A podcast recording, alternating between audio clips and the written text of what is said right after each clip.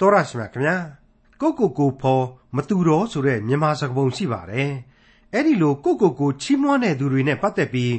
ခရိယန်တမန်ကျမ်းမှာလည်းဖော်ပြထားတာကြောင့်ဒီစကားပုံဟာခရိယန်တွေအတွက်လည်းဖြစ်တယ်ဆိုတာကိုခရိယန်တွေအနေနဲ့သတိချစရာဖြစ်ရပါတယ်တင်တိရသောတမန်ကျမ်းအစီအစဉ်မှာလေ့လာနေတဲ့ကောရိန္သုဩဝါဒစာဒုတိယဆောင်ကိုထာဝရအရှင်မြတ်စွာဘုရားသခင်ရဲ့ဝိညာဉ်တော်မှုတ်သွင်းတော်မူခြင်းအပြင်ရေးသားခဲ့သူ ကယ်တင်ရှင်သခင်ယေရှုခရစ်တော်ရဲ့တမန်တော်ကြီးရှင်ပေါလုကတောင်မှကိုကိုကိုချီးမွမ်းတဲ့သူတွေထဲမှာမပါပါရစေနဲ့လို့ပြောထားတဲ့ခရိယန်တမန်ကျမ်းဓမ္မသစ်ကျမ်းပိုင်းတွေကကောရိန္သုဩဝါဒစာဒုတိယဆောင်အခန်းကြီး30ကိုဒီကနေ့တင်ပြရသောတမန်ကျမ်းအစီအစဉ်မှာလေ့လာမှာဖြစ်ပါတယ်။သူတစ်ပါးရဲ့အလုပ်ကိုဝင်မဆွဲဖဲကို့အလုပ်ကိုလုပ်ဖို့ကိုလည်းဖော်ပြထားတဲ့ကောရိန္သုဩဝါဒစာဒုတိယဆောင်အခန်းကြီး30ကိုဒေါက်တာထွန်းမြတ်အေးက အခုလိုသုံးသပ်ရှင်းလင်းမှာဖြစ်ပါတယ်။သောတာရှင်မိတ်ဆွေအပေါင်းတို့ခင်ဗျာဒီကနေ့ဖို့မှာတော့ကောရိန္သုဩဝါဒစာဒုတိယစာဆောင်နဲ့ပတ်သက်တဲ့ဏိဂုံးကန္တတစ်ထဲကိုဝင်ရောက်လာပြီလို့ကျွန်တော်ဆိုချင်ပါတယ်။ဒီအပိုင်းမှာဆိုရင်တမန်တော်ကြီးဟာဝိညာဉ်ရေးတတ္တိတွေပုံမခန်းစားရရှိလာပြီးတဲ့နောက်သူ့ရဲ့အစ္စထအတွင်းစိတ်နှလုံးသားအတဲမှာခန်းစားချက်တွေပုံမပြင်းပြလာလေသလားဆိုပြီးတော့ကျွန်တော်လေးစားစွာတွေးဆမိပါတယ် ဒီအပိုင်းကြီးတစ်ခုလုံးကိုခေါင်းစဉ်သတ်မှတ်ရမယ်ဆိုရင်တော့တမန်တော်ဘဝပြည်ပြင်းလှသောရှင်ပေါလုဆိုပြီးတော့သတ်မှတ်ထိုက်တယ်လို့ကျွန်တော်ထင်ပါတယ်ဘုရားသခင်ရဲ့ပြုတော်မူသောကျေးဇူးတော်ဘုရားသခင်ပေးတော်မူသောသက်သာခွင့်ဆိုတာတွေနဲ့အတူယုံကြည်သူတို့ရဲ့အသက်တာယုံကြည်သူတို့ရဲ့ပေးဆက်ခြင်းဆိုတဲ့အပိုင်းတွေကိုကျွန်တော်တို့လေ့လာခဲ့ကြပြီးပါပြီအခုအပိုင်းအခြားကိုတော့ယုံကြည်သူတို့ရဲ့စောင့်ထိန်ခြင်းဆိုပြီးတော့ခေါင်းစဉ်ပေးမယ်ဆိုရင်လေရနိုင်လိမ့်မယ်လို့လည်းကျွန်တော်ပြောချင်ပါတယ်အခုကျမ်းပိုင်းကိုမစခင်မှာ ထုံးစံအတိုင်းဒီကျမ်းရဲ့နောက်ခံကြော်ယိုကလေးတစ်ခုကိုဖော်ပြရမယ်ဆိုရင်တော့ကောရိန္သုဆိုတာဟာမညီညွတ်သေးသောအသင်းတော်ဆိုတာကိုကျွန်တော်တို့ဘယ်လို့မှမေ့ထားလို့မရနိုင်သေးဘူးမျက်ခြေပြတ်ခံလို့မရနိုင်သေးဘူးပြီးခဲ့တဲ့ဩဝါဒစာပထမစာဆောင်တုန်းကဆိုရင်အဲ့ဒီအသင်းတော်တွေမညီညွတ်ခြင်းတွေကိုကျွန်တော်တို့အတော်များများကြီးသတိပြုခဲ့ကြပြီဖြစ်ပါတယ်အကြောင်းမူကားငါညီအကိုတို့သင်တို့သည်အချင်းချင်းမသိရန်တွေ့ခြင်းရှိသည်ကိုခလောဤအိမ်သားအချို့တို့သည်ပြောကြ၏ဆိုပြီးတော့ ကောရိန္သုဩဝါဒစာပထမစာဆောင်အခန်းကြီး1အငယ်7မှာဖော်ပြတာတစ်ချက်ထဲနဲ့ကိုပဲဒီကောရိန္သုအသင်းတော်ဟာမညီမညွတ်ဖြစ်နေကြတယ်မသိမတင်ဖြစ်နေကြတယ်ဆိုတာကိုရှင်းရှင်းလင်းလင်းကြီးမြင်နိုင်လိမ့်မယ်လို့ကျွန်တော်ယူဆမိပါတယ်အဲ့ဒီတော့အသင်းတော်ကြီးကောရိန္သုမှာအများစုကတော့ရှင်ပေါလုကိုကြီးညိုတယ်အချို့အချို့ကျတော့လေရှင်ပေါလုကိုဆန့်ကျင်ကြတယ်ဆိုတာအကြမ်းပြင်းခံမှန်းလို့ရပါတယ်အဲ့ဒီလိုဖြစ်တယ်ဆိုတာဟာလေတကယ်တော့လူအဖွဲ့အစည်းမှာအတော်သဘာဝကျတဲ့တယုတ်စကန်တစ်ခုအဖြစ်ကျွန်တော်တို့လက်ကိုခံကြရမှာပါ အဲ့ဒီအရှိတရားကိုလက်ကင်ထားပြီးတော့အခုအခန်းကြီး30ကနေ7အတွင်းမှာတော့သူ့အပေါ်မှာကျင့်납မှုမရှိသူလူအ ਨੇ စုကိုသူဥတီပြီးတော့တမန်တော်ကြီးရှင်ပေါလုဟာသိမ်မွေ့စွာနဲ့ရေးသားလိုက်ခြင်းဖြစ်တယ်လို့ကျွန်တော်ကဖြစ်ဆွဲတင်ပြလိုက်ပါရစေကောရိန္သုဩဝါဒစာဒုတိယစာဆောင်အခန်းကြီး30အငယ်1သင်တို့ဤမျက်မှောက်၌နှိမ့်ချခြင်းမျက်ွယ်၌သင်တို့၏အမှုကိုစီရင်၍ရဲရင်ချင်းရှိသောငါပေါလုသည်ခရစ်တော်၏နူးညံ့သိမ်မွေ့ ဖြည့်ညင်းတော်မူခြင်းကိုအကြောင်းပြု၍သင်တို့ကိုတောင်းပန်ပါ၏တမန်တော်ကြီးဟာအဲ့ဒီရှေးကာလကအသက်မွေးဝင်းကြောင်းမှုတွေထဲမှာတဲရှင်ချုပ်တဲ့အလုပ်နဲ့ဘဝအသက်မွေးဝင်းကြောင်းနေတနည်းအားဖြင့်ကိုယ်ပိုက်ဆံကိုရှာပြီးတော့ကိုယ်သမင်းကိုစားအမှုတော်ဆောင်ခဲ့သူဖြစ်တယ်ဆိုတာကိုကျွန်တော်တို့အားလုံးသိထားပြီးသားအချက်ပါအဲ့ဒီတော့အဲ့ဒီခေတ်အမြင်မှာယူဒတွေရဲ့ရဗ္ဗိဓမ္မဆရာကြီးတွေလိုဝတ်ဖြူစင်ကြယ်နဲ့ဟုတ်ခဲ့လိမ့်မယ်မဟုတ်ဘူးဈေးထဲကဆိုင်တွေမှာတဲရှင်တွေသွားပြီးပို့လိုက် တခါသူနေထိုင်တဲ့အိမ်ကိုပြန်လာပြီးတော့တဲရှင်တွေချုပ်လိုက်နဲ့အလွန်အလုရှုပ်ခဲ့လိမ့်မယ်ကျွန်တော်ရဲ့စိတ်ထဲမှာတော့သူနဲ့သူ့တပည့်တပန်းတွေရဲ့စားတော့နေထိုင်ရေးအတွက်လေသူဟာဥဆောင်ပြီးတော့စီစဉ်ရမှာသာဖြစ်တယ်အဲ့ဒီတော့သူ့ရဲ့ဘဝဟာချွေးစော်နံနေတဲ့တမန်တော်ကြီးအဖြစ်ဘယ်လုံးမှဝတ်ဖြူစင်ကြယ်လဲဝတ်နေနိုင်မှာမဟုတ်ဘူးဖတ်သည်ဖတ်သည်နဲ့အစဉ်တစိုက်အလုတ်များနေသူကြီးသာဖြစ်ခဲ့လိမ့်မယ်လို့ကျွန်တော်တွက်တယ်အလွန်အလွန်အပင်ပန်းဆင်းရဲခြင်းခံရတဲ့ဘဝမှာ ကြော့ကြော့မော့မော့ကြီးဘယ်လို့မှမဟုတ်ခဲ့မှာကတော့အဖေးချပါပဲပြီးတော့အာဝဇန်းနဲ့သိပ်ပြီးတော့မရှုံးခဲ့တဲ့အကြောင်းကိုသူကိုယ်တိုင်ကဝန်ခံခဲ့တော့လူဘိန်းကြိုက်တွေသိပ်ပြောကောင်းမှပြောနိုင်မယ်လို့ကျွန်တော်ယူဆပါတယ်အဲ့ဒီလိုလူသားတို့ရဲ့မျက်စိအမြင်မှာအထင်ကြီးလောက်စရာမရှိတဲ့သူ့ရဲ့ဘဝကိုသူပြန်ပြီးတော့ဆန်းစစ်မိတာနဲ့တပြိုင်နက်သူ့အဖို့ပထမဆုံးပြန်ပြီးခွန်အားယူမိတာကတော့အတွင်းနှလုံးသားရဲ့ဂုံကြီးအစ္ဆထစိတ်ဓာတ်တွေကသတ္တိနဲ့ပတ်သက်တဲ့အချက်ပါပဲ သင်တို့မျက်မှောက်၌နှိမ့်ချခြင်းမျက်ွယ်၌သင်တို့အမှုကိုစီရင်၍ရဲရင်ခြင်းရှိသောငါပေါ်လူတဲ့သူ့ကိုယ်သူပြောတာနော်ဟုတ်ပါတယ် ဝိညာဉ်နှလုံးသားကြောင့်ဘာမှမာမာနထားเสียမလိုဘူးတစ်ချိန်တည်းမှာနှိမ်ချတဲ့စိတ်ဓာတ်အပြင်နှိမ်ကျသွားတယ်လို့လေကိုကိုကိုဘယ်တော့မှမခံယူဘူးတဲ့သင်တို့စီကိုရောက်မလာပေမဲ့သင်တို့ရဲ့အမှုကိစ္စတွေကိုငါဟာကြားရတဲ့အချိန်မှာပြက်ပြက်သားသားပဲဒီကိစ္စတွေကိုငါစီရင်ဆုံးဖြတ်တဲ့ရှင်းနေပါတယ်နော် အဲ့ဒီလိုနှိမ်ချတဲ့လူသတ္တိရှိတဲ့လူရဲ့လို့ဖြစ်လာရတာကတော့အကြောင်းရှိတယ်သူဘသူကိုစံပြုတ်တယ်လဲဆိုတဲ့အကြောင်းပဲသူစံပြုတ်တာကတော့ယောမဧကရကြီးစီစာမဟုတ်ပါဘူး Greek ပညာရှင်ကြီးတွေဖြစ်တဲ့ Plato တို့ Aristotle တို့ Socrates တို့လည်းမဟုတ်ပါဘူးဟေရုလိုယောမတဲ့အောက်ကဣသရေလနိုင်ငံရဲ့အာဏာပိုင်ကြီးလည်းမဟုတ်ပါဘူးတိုက်ဘေးရီးယပ်တို့လိုဘယင်ကန်ကြီးတွေလည်းမဟုတ်နိုင်ပါဘူးသူဘသူကိုစံပြုတ်တယ်လေ ကယ်တင်ရှင်သခင်ခရစ်တော်ကိုသာစံပြုတ်ခဲ့တယ်ကယ်တင်ရှင်သခင်ခရစ်တော်ရဲ့အသက်တာကိုသာစံပြုတ်ခဲ့ခြင်းသာဖြစ်ပါတယ်မိတ်ဆွေအပေါင်းတို့ကယ်တင်ရှင်သခင်ခရစ်တော်ဟာအမှုပညာရှင်တွေမျိုးမျိုးစိတ်ကူးယဉ်ထားတဲ့နုနုနယ်နယ်လူသားကလေးလို့ကျွန်တော်တို့မပြောနိုင်ပါဘူးသူဟာလက်သမားမိသားစုမှာကြီးပြင်းခဲ့ရပြီးတော့ကြမ်းတမ်းတဲ့ဘဝဝန်းကြောင်းမှုကိုပြုခဲ့ရသူပင်လေကြမ်းကြမ်းမှာကုသန်းဖြတ်သန်းပြီးတော့ကုန်းတန်းဂန္ဓာရတောတောင်တွေနဲ့လေကွင်းတွေမှာခြေလျင်လှဲ့လေပြီးတော့ ဒေသစာကြီးကြွချီခဲ့ရတဲ့သခင်အဖြစ်အသားတွေနေလောင်ခဲ့ရလိမ့်မယ်လက်ဝါးတွေလည်းအလွန်ကြမ်းတမ်းခဲ့လိမ့်မယ်အလွန်လူပြီးသားတဲ့လူစားတီကိုခံယူထားသူအမှန်ဖြစ်ခဲ့ပါလိမ့်မယ်ဒီသခင်ဟာသူ့အသွေးကိုသွန်းလောင်းပြီးတော့လူသမိုင်းအတွက်အသက်လမ်းကိုပေးခဲ့လောက်အောင်မေတ္တာကြီးမားသူဖြစ်ခဲ့ပါတယ်တစ်ချိန်တည်းမှာသမိုင်းစာမျက်နှာတွေကိုလှန်လှော့ကြည့်ရင်အဖဖျားသခင်ရဲ့အိမ်တော်ကိုမချေမငန်လှုပ်ဝန်းတဲ့လူတွေကိုမှတ်လောက်သားလောက်အောင်ရိုက်နှက်ဆုံးမဝန်းတဲ့အထီလေတတိရှိခဲ့တဲ့သခင်ဖြစ်တယ်ဆိုတာ ကျွန်တော်တို့တွေ့ရပါတယ်သူ့ကိုအမြဲရန်ဆောင်နေတဲ့အာနာရှိတဲ့လူတွေကိုနလန်မထူနိုင်အောင်ပိတ်ပက်ပြောဆိုကြိမ်မောင်းဝန်သူသေခြင်းတရားကိုခံယူကန်ဤအချိန်မှာစာရမဏတ်ကိုလူစားတိပဂိခန္ဓာကိုယ်နဲ့အလွန်ကြောက်စရာကောင်းတဲ့ဂေဒရှင်မန်ဥယျင်အမှောင်ညကြီးအလဲမှာတကိုယ်တော်ရင်ဆိုင်ဝန့်ခဲ့သူဖြစ်တယ်ဆိုတာကိုကျွန်တော်တို့မေ့လို့မရနိုင်ပါဘူးအေးအဲ့ဒီလောက်အထိတတ်သိရှိတာခံနိုင်ရည်ရှိလို့ခံဝန့်တာတွေအကုန်လုံးရဲ့အနှစ်ချုပ်ဟာဘသူတွေအတွက်လဲ ဘသူတွေအတွက်လဲဆိုတော့ကျွန်တော်မိษွေတို့ရဲ့ကဲတင်ခြင်းအတွက်ပဲကျွန်တော်ကိုသင်္ခါရသေခြင်းကနေအစဉ်သာဝရရှင်သန်ခြင်းအခွင့်ကိုပေးဖို့ရန်အတွက်ပါပဲအဲ့ဒီတော့ဒီသခင်ရဲ့ရဲရင်ခြင်းဆိုတဲ့အကာအောက်မှာနူးညံ့သိမ်မွေ့ဖြည့်ရင်တော်မူခြင်းဆိုတဲ့တမန်တော်ကြီးဆိုခဲ့သောအနှစ်ဟာတည်နေတယ်ဆိုတာဟာရှင်းမနေဘူးလားဟုတ်ပါတယ်အဲ့ဒီသခင်ရဲ့အမှုတော်ကိုဆောင်ရသူတမန်တော်ကြီးဟာလေသူ့သခင်ရဲ့အနှစ်သာရလမ်းစဉ်ကိုစူးစမ်းလိုက်နာပြီးတော့ ဒီဩဝါဒစာကိုနှိမ့်ချစွာရေးသားလိုက်ခြင်းဖြစ်ပါတယ်တခုတော့ရှိလေရဲ့ကယ်တင်ရှင်သခင်ခရစ်တော်နဲ့သူနဲ့လုံးဝအဆင့်ချင်းကတော့မတူနိုင်ဘူးဟိုကဘုရားသခင်ဖြစ်တယ်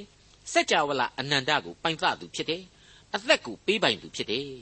ရှင်ပေါလုကတော့လူတဲ့လူတယောက်ပဲမဟုတ်ဘူးလားသခင်ကိုစားအမှုတော်ကိုဆောင်ရသူတူရဲ့အစဉ်အဲ့တော့သူဟာဝန်လေး၍ပင်ပန်းသောသူအပေါင်းတို့ငါထံသို့လာကြလော့ငါသည်ချမ်းသာပေးမည်လို့တော့မပြောဘူး ငါသည်အလင်းဖြစ်၏သမာတရားလည်းဖြစ်၏အသက်လည်းဖြစ်၏ဆိုပြီးတော့တော့မပြောဘူးသူပြောလိုက်တာကတော့အလွန်ရိုးရိုးအေးအေးကလေးဖြစ်တယ်မှတ်သားစရာကလေးဖြစ်တယ်ခရစ်တော်နှစ်သက်တဲ့နူးညံ့သိမ်မွေသောစိတ်နှင့်အတူမင်းတို့ကိုငါတောင်းပန်လိုက်ပါ၏တဲ့ရှင်းနေပါတယ်နော်လူလူချင်းကိုသူတောင်းပန်လိုက်ပါတယ်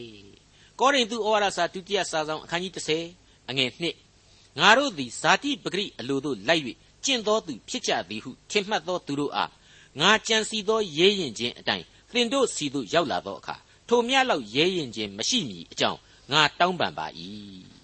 ဝက်ကြဖွဲ့စည်းပုံအရာအနည်းငယ်နားထွေနိုင်ပါတယ်တမန်တော်ကြီးအဓိကဆိုလိုတာကတော့ဇာတိပဂရိအခြေအနေအရတမန်တော်တယောက်အဖြစ်တစ်ဖက်ကအမှုတော်ကိုဆောင်ရင်းနဲ့တစ်ဖက်ကလည်းဘဝအသက်မွေးဝင်းကြောင်းရတာရှိတယ်ရုန်းကန်လှုပ်ရှားခြင်းတွေအများကြီးရှိတယ် အဲ့ဒီအပြင်ပန်းကမြင်ရတဲ့အသွင်ကိုကြည့်ပြီးတော့ငါတို့တမန်တော်များကိုအယံကာရောမဆုံးဖြတ်ကြစေခြင်းဘူးဆိုတဲ့အချက်ပါပဲဒါကိုအခုအငယ်3ဟာပို့ပြီးတော့ရှင်းလင်းသွားစေပါလိမ့်မယ်အဘဲကြောင့်ဤဟူမူကားငါတို့သည်လူဇာတိ၌ကျင်လေတော်လေဇာတိပဂရိအလိုတို့လိုက်၍စစ်တိုက်ကြသည်မဟုတ်အလွန်သေးသက်လှပတဲ့အဖွဲအနွယ်ဖြစ်ပြီးတော့အတိတ်ပဲဟာအလွန်လေးနဲ့ကျယ်ဝန်းလှပါတယ်ဒီနေရာမှာသုံးဆွဲတဲ့လူဇာတိကိုအင်္ဂလိပ်မှာက flash ဆိုပြီးတော့သုံးထားပါတယ် တဲ့တဲ့ပြောရင်တော့အသွေးအသားပါဒါပေမဲ့အဲ့ဒီလူဇာတိအသွေးအသားဆိုတာဟာဟေလသခေါ် Greek တို့ရဲ့ဝေါ်ဟာရအရာ sax လို့ခေါ်ပြီးတော့အတိတ်ပဲ၃မျိုးခွဲခြားနိုင်ပါတယ်တိရုပ်ကလတ်ခန္ဓာအစုအဝေးနှစ်အာနေပြော့ညံ့သောအရာသုံးဖောက်ပြန်ပျက်စီးလွယ်သောအရာဆိုတဲ့အဓိပ္ပာယ်တွေပါပဲအခုတမန်တော်ကြီးဟာဇာတိပဂရိကိုဝိညာဉ်ရေးအမြင်နဲ့ဖော်ပြလိုက်တာဖြစ်ပါတယ်အာနဲ့ပြောညံ့သောအရာနဲ့ဖောက်ပြန်ပျက်စီးသည့်အရာ fallen nature ဆိုတဲ့သဘောမျိုးသူသုံးဆွဲလိုက်ခြင်းပဲဖြစ်ပါတယ်ဟုတ်ပါတယ်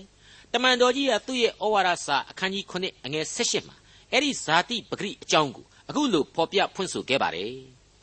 ငါအแทမှာငါဇာတိပဂရိ၌ကောင်းသောအရာတစ်စုံတစ်ခုမျှမတည်သည်ကိုငါသိ၏အကြောင်းမူကားငါသည်ကြင့်ကျင်သောစိတ်ရှိတော်လေကောင်းစွာကြင့်တတ်သောအခွင့်ကိုရှာ၍မတွေ့နိုင်အဲ့ဒီလိုဖော်ပြထားခြင်းဖြစ်ပါတယ်ဒါဟာဖောက်ပြန်ပျက်စီးသည့်အရာ သို့မဟုတ်ကြာဆုံးနေသောသဘာဝကိုကောင်းကောင်းကြီးနားလေလွယ်စေတဲ့အချက်ပါမိษွေအပေါင်းတို့ခမညာတမန်တော်ကြီးရှင်ပေါလုဟာခရစ်တော်ရဲ့အမှုတော်ကိုတန်ရှင်းသောဝိညာဉ်တော်ခွန်အားနဲ့ဆောင်ရွက်နေပါတယ်ဒါကိုဘယ်သူမှမငြင်းနိုင်ပါဘူးဒါပေမဲ့ဖောက်ပြန်ပျက်စီးတတ်သောလူသားတွေကလူတစ်ယောက်သာဖြစ်တယ်ဒါကိုသူမငြင်းနိုင်ဘူးမငင်းနိုင်တဲ့အလျောက်လဲပြက်ပြက်သားသားပဲဝန်ခံလိုက်ပါတယ်။ကောင်းပြီ။ဒါပေမဲ့အဲ့ဒီလိုလူဇာတိနဲ့ကျင်လည်၍ပင်နေရစေကမူ ဇာတိပဂရိရဲ့အလိုကိုလိုက်ပြီးတော့ဇာတိပဂရိအောင်ပွဲကြီးအတွက်စစ်တိုက်မနေပါဘူးတဲ့။ရှင်းရှင်းကလေးပြောင်းပြန်ပြန်လိုက်ရုံနဲ့အဖြစ်ပေါ်လာပါတယ်။ဇာတိပဂရိအတွက်စစ်မတိုက်ရင်ဝိညာဏဘဝအောင်ပွဲအတွက်စစ်တိုက်နေတယ်ဆိုတာဟာထင်ကနေပေါ်လာရပါတယ်။အေဖက်ဩဝါဒစာအခန်းကြီး6အငယ်7မှာပြန်ပြီးတော့အဲ့ဒီဝိညာဉ်ရေးတိုက်ပွဲအကြောင်းအသေးစိတ်ကိုတွေ့နိုင်ပါလိမ့်မယ်အကြောင်းမူကားငါတို့သည်အသွေးသားရှိသောရန်သူတို့နှင့်ဆိုင်ပြိုင်တိုက်လှန်ရကြသည်မဟုတ်အထွတ်အမြတ်တို့နှင့်၎င်း အာနာစက်တို့နှင့်၎င်းလောကီမှောင်မိုက်၌အစိုးတရားပြုလုပ်သောမင်းတို့နှင့်၎င်းမိုးကောင်းကင်၌နေသောနတ်ဆိုးတို့နှင့်၎င်းဆိုင်ပြိုင်တိုက်လှန်ရကြ၏အဲ့ဒီလိုဖော်ပြထားခြင်းဖြစ်ပါတယ်မိတ်ဆွေအပေါင်းတို့ခမညာအဲ့ဓာတွေကိုကျွန်တော်ကအလွယ်တကူနားလေလွယ်ဖို့အခုလိုဆက်လက်ရှင်းပြခြင်းပါတယ်ဒီနေရာမှာအထွတ်အမြတ်အာနာဆက်လော်ကီမှောင်မိုက်ကိုအစိုးရတဲ့မင်းကောင်းကင်၌နေသောနတ်ဆိုးဆိုတဲ့အချက်တွေဟာအသွေးအသားရှိတဲ့ရန်သူတွေမဟုတ်ဘူးဆိုပြီးတော့ ပေါလုကဖော်ပြထားပါတယ်အဲ့ဒီတော့မမြင်ကွယ်ရာရန်သူတွေဖြစ်တယ်မမြင်ကွယ်ရာဆိုကြတဲ့ကအင်အားကိုမတိုင်းဆနိုင်လောက်တဲ့ရန်သူအမျိုးအစားမျိုးတွေဖြစ်တယ်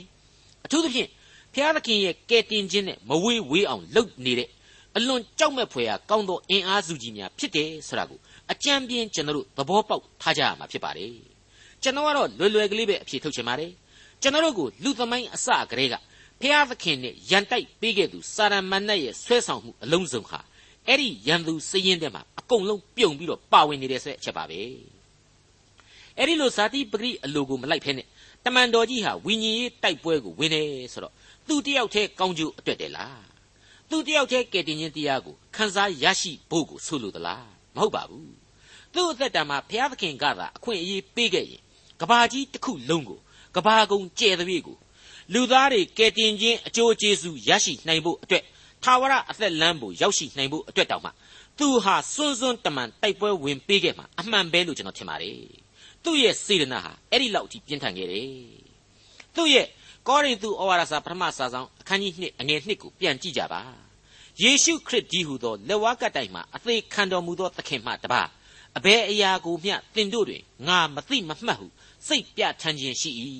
တဲ့တခါ အဲ့ဒီကောရိန္သုဩဝါဒစာပထမစာဆောင်အခန်းကြီး7ရဲ့အဆုံးမှာကျတော့သင်တို့သည်အမျက်ဆုံးသောဆုကျေးဇူးတော်တို့ကိုအလွန်အလိုရှိကြသည်တွင်သာ၍မြတ်သောလမ်းကိုငါပြအောင်မည်တဲ့တခါအဲ့ဒီကောရိန္သုဩဝါဒစာအခန်းကြီး7ရဲ့အစမှာကျတော့လေညီအကိုတို့သင်တို့သည်ဝိညာဉ်ဆုကျေးဇူးအကြောင်းများကိုမသိဘဲနေစေခြင်းဟာငါအလိုမရှိတဲ့ဒီတော့သူ့ရဲ့စေတနာစိတ်တွေ သူ့ရဲ့ကယ်တင်ခြင်းတရားကိုဝေမျှခြင်းတဲ့ဆန္ဒမွန်းနေဟာဘလောက်ပြင်းပြလဲဆိုတာရှင်းရှင်းကြီးပေါ်နေပါလေမိတ်ဆွေသောတာရှင်အပေါင်းတို့ခမညာလူသားတို့အချင်းချင်းကြားမှာလူသားတို့အတွက်ခရစ်တော်ရဲ့မေတ္တာတော်ကိုခံယူပြီးတော့ကယ်တင်ခြင်းတရားကိုမိတ်ဆက်ပေးတာတဲ့ကြီးမားသောကျေးဇူးပြုခြင်းဆိုတာဟာမရှိနိုင်တော့ဘူးလို့ကျွန်တော်ပြောချင်ပါတယ်ဒီအေယာမတာဝန်ကြီးမဟာတာဝန်ကြီးအတွက်ရှင်ပေါလုရှင်ပေတရုရှင်လုကာရှင်ဘာနဘရှင်ယောဟန်ရှင်မာကုစတဲ့ပုဂ္ဂိုလ်ကြီးတွေကို ဖျားသခင်ဟာအသုံးပြုခဲ့ပါတယ်ဒီပုဂ္ဂိုလ်ကြီးတွေရဲ့ကျေးဇူးဟာဒီကနေ့အသင်းတော်များကယုံကြည်သူတို့ရဲ့မေတ္တာရောင်ပြန်ဟခြင်းအပြင်ပုံမထင်ရှားပေါ်လွင်နိုင်ပါစေသတည်းဆိုပြီးတော့ကျွန်တော်ဆုတောင်းပေးလိုက်ပါရစေကောရိန္သုဩဝါဒစာဒုတိယစာဆောင်အခန်းကြီး30အငယ်၄ငါတို့စစ်တိုက်၍သုံးဆွဲသောလက်နှင့်သည်ဇာတိပဂရိလက်နှင့်မဟုတ်ဖျားသခင်၏တကိုးတော်အားဖြင့်မြို့ရိုးမြို့ပြတို့ကိုဖြိုဖျက်နိုင်သောလက်နှင့်ဖြစ်၏ မိษွေအပေါင်းတို့ခမညာတမန်တော်ကြီးရဲ့လက်နှင့်ဟာနျူကလ িয়ার တို့ သာမိုနျူကလ িয়ার တို့တဲ့ပို့ပြီးတော့ပြင်းထန်တယ်အဲ့ဒီ nucleus အမြုတေကစပြီးတော့စัจ java လာအနန္တကိုဖန်ဆင်းပေးခဲ့တယ်ဘုရားသခင်တကိုးတော်ဆိုမှမပြင်းထန်ပဲဘယ်လုံနေမလဲကျွန်တော်ကအဲ့ဒီလိုပြောတော့သိပ္ပံပညာရှင်ပုဂ္ဂိုလ်ကြီးတွေတဲ့ဘုရားသခင်မရှိဘူးဆိုတဲ့လူတွေကဟားတိုက်ပြီးရေမောကြလိမ့်မယ်ထင်ပါတယ်နှာခေါင်းရှုံကြလိမ့်မယ်ထင်ပါတယ်လူတ attva ဆိုတာကအတော်ဆန်းတယ်နော်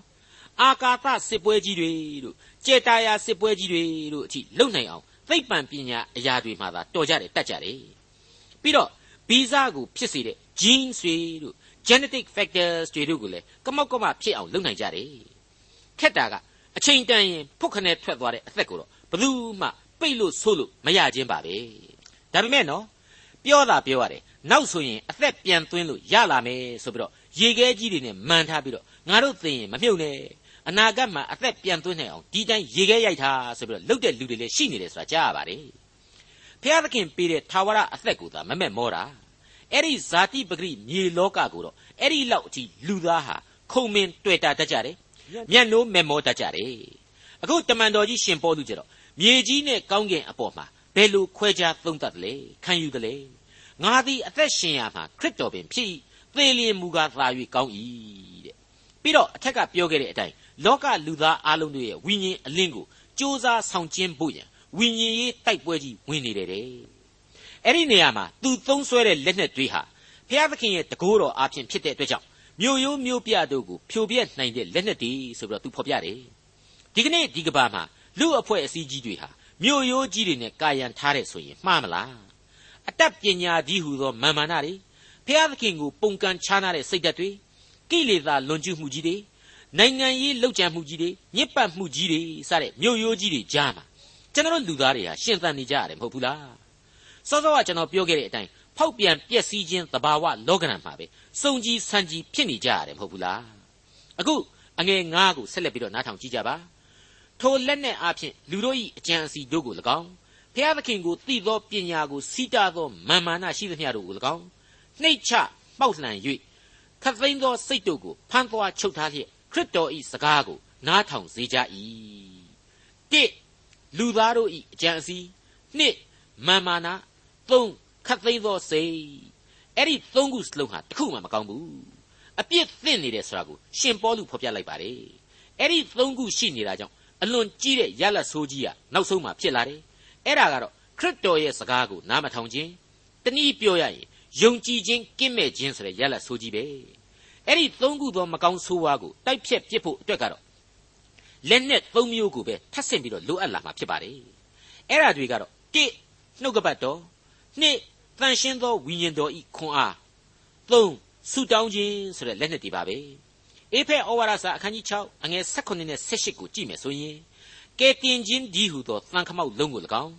ဖျားသခင်ဤနှုတ်ကပတ်တော်ဒီဟုသောဝိညာဉ်တော်ဤဓာတ်ကို၎င်းယူကြလော့ ကာလအစဉ်စိတ်နှလုံးပါလျက်ဆုတောင်းပတနာပြုခြင်းအမျိုးမျိုးတို့ဖြင့်ဆုတောင်းကြလော့ထို့သောဆုတောင်းခြင်းဟာအာမလျော့ဘဲလျက်ငါမှစ၍တန်ရှင်းသူအပေါင်းတို့အဖို့ဆုတောင်းလျက်စောင့်ရှောက်ကြလော့ဆိုပြီးတော့ထင်းထင်းရှားရှားဖော်ပြထားပါတယ်ကောရိန္သုဩဝါဒစာဒုတိယစာဆောင်အခန်းကြီး30အငယ်6နဲ့9သင်တို့ဤနားထောင်ခြင်းအမှုသည်ပြည့်စုံပြီးမှနားမထောင်ဘဲနေသောသူအပေါင်းတို့ကိုဒဏ်ပေးခြင်းဟာငါတို့သည်အသင့်ရှိကြ၏မျက်နာကိုသာသိမှတ်ကြလော့ အကျဉ်သူကငါသည်ခရစ်တော်၏လူဖြစ်သည်ဟုမိမိ၌ဆွဲလန်းခြင်းရှိ၏ထိုသူသည်ခရစ်တော်၏လူဖြစ်တဲ့ကဲ့သို့ငါတို့လည်းခရစ်တော်၏လူဖြစ်ကြောင်းကိုတဖန်အလိုအလျောက်ဆင်ခြင်သိမှတ်စေယုံကြည်ခြင်းအရာမှာပင်လျင်မာမာနတက်တက်တဲ့လူမနောအကြောင်းကိုတစွန်းတစဖော်ပြလာပါတယ်တမန်တော်ကြီးတို့သာသနာပြုလို့ယုံကြည်ခြင်းဖြစ်လာတယ်အဲ့ဒီခါမှာတမန်တော်ကြီးတွေတောင်မှငါတို့တွေကပို့ပြီးတော့ယုံကြည်ခြင်းအားကောင်းသေးတယ် ငါတို့ကဘုရားသခင်ကိုပို့ပြီးတော့တောင်မှတမန်တော်ကြီးတွေချစ်နေသေးတယ်ဒင်းတို့တမန်တော်တွေတဲ့ကောင်းကင်ဘုံကိုအရင်ရောက်မှာငါတို့ဆိုတဲ့အတွေ့အခေါ်မျိုးတွေပေါ့အဲ့ဒီဇေယိုက်မျိုးတွေဒီကနေ့ကျွန်တော်တို့အထက်မှာကိုရှိမနေကြဘူးလားရဲစရာပဲနော်ဘုရားသခင်ရဲ့ကျေးဇူးတော်တက်တက်ကြောင့်သာကယ်တင်ခြင်းကျေးဇူးဆိုတာဖြစ်လာတယ်ဆိုတဲ့အခြေခံတရားကိုရင်ဝယ်မပိုက်နိုင်တော့လူသားဟာအဲ့ဒီလိုပဲဥကြောင်ကြောင်အဖြစ်တွေကိုရောက်ကုန်တတ်ကြတယ်အဲ့ဒါကိုရှင်ပေါလုပြောလိုက်တာဟာငါစကားနွားရသဘောမျိုးလားမ ဟုတ်ပါဘူးကလေးကလားလည်းလုံးဝမဟုတ်ပါဘူးခရစ်တော်ကိုယုံကြည်တယ်ဆိုရင်ခရစ်တော်ရဲ့လူတွေဟာအတူတူကြီးပဲအသက်လန်းခရီးကိုအတူတူရှောက်သွားရမယ်လူတွေကြီးပဲဖြစ်တယ်ဆိုတဲ့သဘောကိုသူလေးနဲ့စွာဖော်ပြလိုက်ခြင်းဖြစ်ပါတယ်ကောရိန္သုဩဝါဒစာဒုတိယစာဆောင်အခန်းကြီး30အငယ်8သင်တို့ကိုပယ်ရှင်းဖျက်ဆီးခြင်းအလို့ငါမဟုတ်တိဆောက်ခြင်းအလို့ငါသခင်ဖျားသည်ငါတို့၌အပ်ပေးတော်မူသောတကိုးကိုငါသည်သာ၍ဝါကြွားတော်လေ ရှက်ကြောက်เสียအကြောင်းအရှင်းမရှိဘုရားသခင်ကငါတို့ကိုတကိုးပေးထားတယ်ဆိုတာအာနာပြဖို့မဟုတ်ဘူးတဲ့မင်းတို့ကိုကယ်တင်ခြင်းကျေးဇူးရရှိစေဖို့အတွက်သာဖြစ်ပါတယ်တဲ့ငါမှလေကြွားเสียဆိုလို့ဒါလေးတစ်ခုပဲရှိပါတယ်တဲ့ကောရိန္သုဩဝါဒစာဒုတိယစာဆောင်အခန်းကြီး30အငယ်6မှ7ငါရေး၍ပေးလိုက်သောစာအားဖြင့်သာသင်တို့ကိုချင်းချောက်တကဲ့သို့ငါမပြုလို့အကြောင်းမူကားထိုသူဤစာသည်လေးလံသောစာတကိုးနှင့်ပြည့်စုံသောစာဖြစ်၏ ကိုယ်တိုင်ရှိလျင်မူကားတတ္တိမရှိသောသူအချီးနှီးသောစကားကိုပြောသောသူဖြစ်သည်ဟုဆိုရသောသူရှိ၏ငါတို့သည်ကိုယ်တိုင်မရှိ၍စာ၌ပါသောစကားအဖြစ်ဖြစ်တဲ့ကဲ့သို့ကိုယ်တိုင်မျက်မှောက်ရှိသောအခါအမှုအဖြစ်ဖြစ်လိမ့်မည်ဟုထိုသူသည်ဆင်ခြင်သိမှတ်စေကိုကိုကိုချီးမွမ်းသောသူတို့နှင့်ရေတွက်ဝင်ခြင်းကို၎င်းပြိုင်နှိုင်းခြင်းကို၎င်းငါတို့မပြုဝွန်ထိုသူတို့သည်အချင်းချင်းတယောက်နှင့်တယောက်ခိုင်းနှိုင်းခြင်းပြိုင်နှိုင်းခြင်းအမှုကိုပြု၍ပညာမဲ့ဖြစ်ကြ၏ ဒီအပိုင်းမှာပေါလုကစိတ်လိုက်မန်ပါနဲ့ပြန်ပြီးရေးလိုက်တာဟာအလိုလိုဟာသနှော်ပြီးသားဖြစ်သွားတယ်လို့ကျွန်တော်ခံယူပါတယ်ခမည်းကြီးတို့ကစာဒရန်ပေဒရန်နဲ့ရေးပြီးတော့ကျုပ်တို့ကိုဆုံးမနေပြီပဲကိုယ်တိုင်ကတော့အလကားငနေကြီးတွေပါဗျာဆိုပြီးတော့သူတို့ကိုစောင်းချိတ်ချိတ်နဲ့အပြစ်ပြောခဲ့တာဒီကူသူကြားခဲ့ရလိမ့်မယ်အဲ့ဒါတွေကို तू ကအခုပြန်ပြီးတော့ဖြည့်တယ်ငါတို့ရေးခဲ့တဲ့အတိုင်းပဲငါတို့လည်းကြင့်ကြံကြပါတယ်ကွာတဲ့ဒီအခန်းကြီး30အစအငယ်3မှာကလေးက तू ပြောခဲ့ပြီးပြီလေ လူဇာတိ၌ကျင်လေတော်လေဇာတိပဂရိအလိုတို့လိုက်၍စစ်တိုက်ကြသည်မဟုတ်တဲ့လူဆိုမှပဲဘယ်လုတ်ပြီးတော့စင်လုံးကြော်ကြီးဖြစ်နိုင်ပါမလို့ဒါပေမဲ့တန်ရှင်းသောဝိညာဉ်တော်နဲ့အမှုတော်ကိုဆောင်နေရတယ်ဆိုတာကိုသူအမြဲထည့်ထည့်ပြောပါတယ်ပြီးတော့သူကအဲ့ဒီလိုပတ်ဝန်းကျင်ကလူတွေချွတ်ချော်ညံ့ဖျင်းတာတွေကိုအပြစ်မြင်တာပတ်ဝန်းကျင်ကလူတွေကိုယ့်ကိုမြှောက်ပြီးမှကိုကအဟုတ်မှတ်တာတွေကိုရှောင်ကျင်ကြပါတယ်အဲ့ဒါဟာပညာမရှိတဲ့လူတွေရဲ့အလုပ်ဆိုပြီးတော့သူပြောပါတယ်ဟုတ်ပါတယ် ဒီကနေ့အသင်းတော်တွေမှာခရစ်တော်မျက်နှာကိုမကြည့်တန်ရှင်းသောဝိညာဉ်တော်လမ်းပြမှုကိုမခံယူပတ်ဝန်းကျင်ကသူလိုကိုလိုအပြစ်သားတွေကိုပဲကြည်ပြီးတော့ကိုယ့်ဘာသာကိုစံချိန်စံညွှန်းနေသတ်မှတ်နေကြပါတယ်အဲ့ဒီမှာတွေကိုကိုကိုအထင်ကြီးစိတ်ကြီးဝင်တာတွေကိုဟာကိုသိငယ်တယ်လို့ခံစားရတာတွေစသဖြင့်အစွန်းရောက်စိတ်ဓာတ်တွေဟာဖြစ်ပွားပေါ်ထွန်းလာရပါတယ်ကောရိန္သုဩဝါဒစာဒုတိယစာဆောင်အခန်းကြီး30အငယ်73မှ16 ကိုငန်းကိုတာကိုလွန်ကျူး၍ပြုသောအမှုအရာကိုငါတို့ဝါကြွားခြင်းမရှိဝွန်ဖျားသခင်ဝေငှတော်မူသောအငန်းအတာဤအတိုင်းအရှိအတွင်းတွင် ပြုသောအရာကိုသာဝါကြွားခြင်းရှိ၏ထိုအတိုင်းအရှိသည်သင်တို့တိုင်အောင်ပဲမိသည်သင်တို့တိုင်အောင်မမိလျင်ငါတို့သည်လွန်ကျူး၍ပြုကြသည်မဟုတ်အကြောင်းမူကားခရစ်တော်၏ဧဝံဂေလိတရားကိုဟောပြော၍သင်တို့ရှိရာသို့တိုင်အောင်ရောက်ကြပြီ ငါတို့သည်ကိုငန်းကိုတာကိုလွန်ကျူး၍သူတစ်ပါးအလုတ်သေးသို့ဝင်ခြင်းကြောင့်ဝါကြွားလိရှိကြသည်မဟုတ်ထို့သောသူငန်းသူတာအတွင်တွင်ပြင်ဆင်ပြီးသောအမှုအရာကိုဝါကြွားခြင်းမရှိဘဲသင်တို့ပြည်တစ်ဖက်သို့ကူး၍ဧဝံဂေလိတရားကိုဟောပြောရသောအခွင့်ရှိစေခြင်းဟာသင်တို့၏ယုံကြည်ခြင်းပါရမီရင့်ပြီးမှငါတို့၏အငန်းအတာသည်အလွန်ကျယ်ဝန်းမည်ဟုမျှော်လင့်ခြင်းရှိ၏အခုဆက်ပြီးပေါ်လာတာကတော့တို့ကောရိန္သုအသင်းတော်ကိုတော့မလာဘဲနဲ့ ရှင်ပေါလုတို့ဟာတခြားမှာကြီးပဲအချိန်ဖြုံနေတယ်ဆိုပြီးပြောတဲ့လူကပြောနေတယ်ဆိုတာကိုတွေ့လာခြင်းပါပဲအဲ့ဒီတော့လူတွေကလူသားဆိုတာဟာလူအချင်းချင်းကြားထဲမှာဘလောက်အထိအပြစ်ကင်းအောင်နေဖို့ခက်ခဲတယ်ဆိုတာဟာပေါ်လာပါပြီဘောင်းမီရှည်ဝတ်တော့ဘိုးဆန်တယ်တဲ့တိုက်ပုံဝတ်တော့တိုက်ပုံတကားကားနဲ့လိုက်ရလိုက်ရလုတ်တယ်တဲ့စွတ်ကျဲလက်ပြက်ကလေးကောက်စွတ်ပြန်တော့လေသင်းအုပ်ဆရာဆိုပြီးတော့ခန့်ခန့်ညင်ရမရှိဘူးတဲ့အဲ့ဒီသဘောမျိုးပေါ့ပထမတုန်းကစာရေးကြီးရေးပြီးတော့ဆုံးမနေတယ် တို့လောက်တောင်ဝိညာဉ်ခွန်အားမရှိဘူးတဲ့အခုကျတော့ကိုထူထောင်ပေးထားတဲ့အသင်းတော်ကိုကျတော့ပြန်မကြည့်ပဲခီးတွေကြီးလှိမ့်ထွက်နေတယ်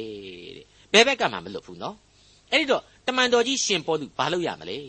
သူတို့တအုပ်လုံးစိတ်ကြည်နပ်အောင်အသေးစိတ်လိုက်လုပ်နေရင်အမြုပ်ထွက်ပြီးတော့သေဖို့သာပဲရှိတော့မှာပေါ့အဲ့ဒီမှာနဲ့အလွန်ကောင်းမွန်တဲ့အဆုံးအမတစ်ခုထပ်မံပေါ်ထွက်လာပါတယ်ကိုရေးကိုတာအလုတ်တွေအတွက်များအရှင်းအချိန်ကိုမခံပါဘူးဝါကြွားခြင်းအရှင်းမရှိပါဘူး ဖျားသခင်ဝေငှတော်မူသောအငန်းအတာဤအတိုင်းအရှိအတွင်း၌ပင်လျင်ကိုပြုသောအရာကိုသာငါမှဝါကြွားခြင်းရှိနိုင်ပါ၏တဲ့ဝါကြွားဝင့်ပါ၏တဲ့ပြီးတော့မှဆက်ပြီးပြောလိုက်တယ်အဲ့ဒီလိုလှုပ်ဆောင်ခြင်းတွေကိုလေမင်းတို့လည်းလုပ်မယ်ဆိုရင်လုပ်နိုင်ကြပါတယ်တဲ့အကယ်၍မင်းတို့မလုပ်နိုင်တာမလုပ်နိုင်တာကိုငါတို့ကလုပ်နေတယ်ဆိုရင်လေဖျားသခင်စေခိုင်းတော်မူတဲ့ဧဝံဂေလိအမှုတော်ကိုဆောင်ရွက်ခြင်းသာဖြစ်လို့မင်းတို့ဝန်သာကြပါငါတို့အတွက်ဆုတောင်းပေးကြပါတယ် ဒီနေရာမှာကျွန်တော်ကရန်ကုန်မြို့လေကအသင်းတော်ကြီးတပါးမှာတပါးအမှုတော်ဆောင်များအတွက်သီးသန့်ဆုတောင်းခြင်းအစီအစဉ်တစ်ခုကိုထည့်သွင်းထားတာကိုတွားပြီးသတိရမိပါတယ်အလွန်ကောင်းမွန်တဲ့အစီအစဉ်ကလေးအဖြစ်ချီးမွမ်းထောမနာပြုမိပါတယ်ကို့ဆရာသမားတွေအမှုတော်ဆောင်တွေကို့ခေါင်းဆောင်တွေလူသားလူသားပြီပြီဘယ်လုပ်ပြီးပြည့်စုံနိုင်ပါမလဲအပြစ်ရှာမယ်ဆိုရင်အပြစ်ဆိုတာရှိကြမှာကြီးပဲပေါ့အဲ့ဒါကိုကိုကအပြစ်ပဲအမြဲတမ်းတင်နေမလားသူတို့ကိုဘုရားသခင်ကတကိုးပေးပြီးတော့ ဘုရားသခင်ခိုင်းစီထားတာပဲဆိုတဲ့အသိနဲ့သူတို့အတွက်အမှုတော်ကိုပုံမဆောင်ကျင်းနိုင်ဖို့ဆုတောင်းပေးကြမလားဘယ်လမ်းကိုရွေးကြမလဲဆိုတာစဉ်းစားကြဖို့အထူးပဲလိုအပ်နေပါပြီအငယ်15နဲ့16ကငါတို့ဟာကိုယ်အငန်းအတာများကိုကျူးပြီးတော့သူများရဲ့အလုတ်ထဲဝင်ပြီးမကြွားကြဘူးဘုရားသခင်ကခိုင်းရင်ခိုင်းတဲ့အတိုင်းပဲခကြီးတွေထွက်ရတယ်အဲ့ဒီနီးနဲ့လေလောက်ရမယ့်အလုပ်တွေဟာအလွန်ကျယ်ဝန်းနေလေအောင်မှသိကြပါတယ်ဆိုတာကိုပေါလုထည့်ပြောလိုက်ပါတယ်ရှင်ပေါလုဟာ အဲ့ဒီရှေးဦးသာသနာပြုစုရမှာတာဝန်ခွဲဝေမှုကိုသိလေးစားတာတွေ့ရပါတယ်သူ့အပိုင်းကို့အပိုင်းစနစ်တကျခွဲခြားဆောင်ရွက်တတ်တဲ့ပုဂ္ဂိုလ်ကြီးဖြစ်တယ်ဆိုတာလည်းတွေ့ရပါတယ်အဲ့ဒါကအဲ့ဒီရှေးခေတ်ကာလပုံစံတစ်ခုပဲဖြစ်လိမ့်မယ်လို့ကျွန်တော်ဆိုချင်ပါတယ်ရှေးခေတ်ရှေးခေတ်ကာလအလျောက်လေခင်မီတဲ့ပြုပြင်ပြောင်းလဲမှုခင်မိတဲ့အစီအမံတစ်ခုပဲလို့ကျွန်တော်တွေးမိပါတယ်ကျွန်တော်ကဒီနေရာမှာကောရိန္သုဩဝါဒစာပထမစာဆောင်အခန်းကြီး3အငယ်9ကနေ10ကိုတွားပြီးသတိရမိပါတယ် မိษွေတို့ပြန်ပြီးတော့နားဆွင့်ကြည့်ကြပါပေါလုကအဘယ်သူနည်းအာပေါလုကအဘယ်သူနည်းအခြားသောသူမဟုတ်ထာဝရဘုရားသည်အသီးအသီးတို့အားအခွင့်ပေးသနာတော်မူသည်နှင့်အညီသင်တို့ကိုယုံကြည်ခြင်းသို့ရောက်စေသောဓမ္မဆရာပေသည်ငါသည်စိုက်ပျိုးသောသူဖြစ်၏အာပေါလုသည်ရေလောင်းသောသူဖြစ်၏အပင်ကိုကြီးပွားစေသောသူကဘုရားသခင်ပေသည်အဲ့ဒီအချက်ဟာအလွန်သတိတရားရစရာကောင်းပါလေ မျိုးစေ့ကျဲတဲ့လူကကျဲပြီးတော့ရေလောင်းတဲ့လူကလောင်းမှအောင်မြင်ခြင်းအသီးအပွင့်ကိုရရှိမယ်ဆိုတာကိုပြောတာပါစီးနဲ့ကန်းနဲ့ကိုယ်အငန်းအတာတိုင်ကိုလို့ဘုရားသခင်ကောင်းကြီးပေးလာပါလိမ့်မယ်ကောရိန္သုဩဝါဒစာဒုတိယစာဆောင်အခန်းကြီး30အငယ်16နဲ့18တို့ဖြစ်၍ဝါကြွားသောသူမြည်သည်ကဘုရားသခင်၌သာဝါကြွားစီအကြောင်းမူကားကိုကိုကိုချီးမွမ်းသောသူသည်ဝန်ခံသောသူဖြစ်သည်မဟုတ် သခင်ဖျားချီးမွမ်းတော်မူခြင်းကိုခံရသောသူသာလျှင်ဝန်ခံတော်မူသောသူဖြစ်သည်အလွန်မှန်ကန်တဲ့သစ္စာစကားနဲ့အခန်းကြီး30ကိုရှင်ပေါလုအဆုံးသတ်ပေးပါတယ်လူသားတို့မှာလောကသားတို့အလျောက်တာဝန်တွေကိုယူသွားရတယ်ဒီလူသားတို့ရဲ့အောင်မြင်ခြင်းဆုံးရှုံးခြင်းချီးမွမ်းခံရခြင်းတို့ဟာဖျားသခင်ရဲ့အလိုတော်ပေါ်မှာသာမူတည်တယ်ကိုဟာကိုယ့်ရဲ့အဲ့ဒီဘဝအမှန်ကိုသိတာနဲ့အမျှဖျားသခင်မှတပါအခြားဘာကိုမျှဝါကြွားစရာမရှိဆိုတဲ့အဖြစ်ကို သိကျွမ်းနားလည်လာရမှာအမှန်ပဲဆိုပြီးတော့သူဖော်ပြလိုက်ခြင်းဖြစ်ပါတယ်ခင်ဗျာဒေါက်တာထွန်းမြတ်ရေးစီစဉ်တင်ဆက်တဲ့တင်ပြတော်တမချန်းအစီအစဉ်ဖြစ်ပါတယ်နောက်တစ်ချိန်အစီအစဉ်မှာခရိယန်တမချန်းဓမ္မသစ်ကျမ်းပိုင်းတွေကကောရိန္သုဩဝါဒစာဒုတိယဆောင်အခန်းကြီး7ကိုလေ့လာမှဖြစ်တဲ့အတွက်စောင့်မျှော်နားဆင်နိုင်ပါတယ်။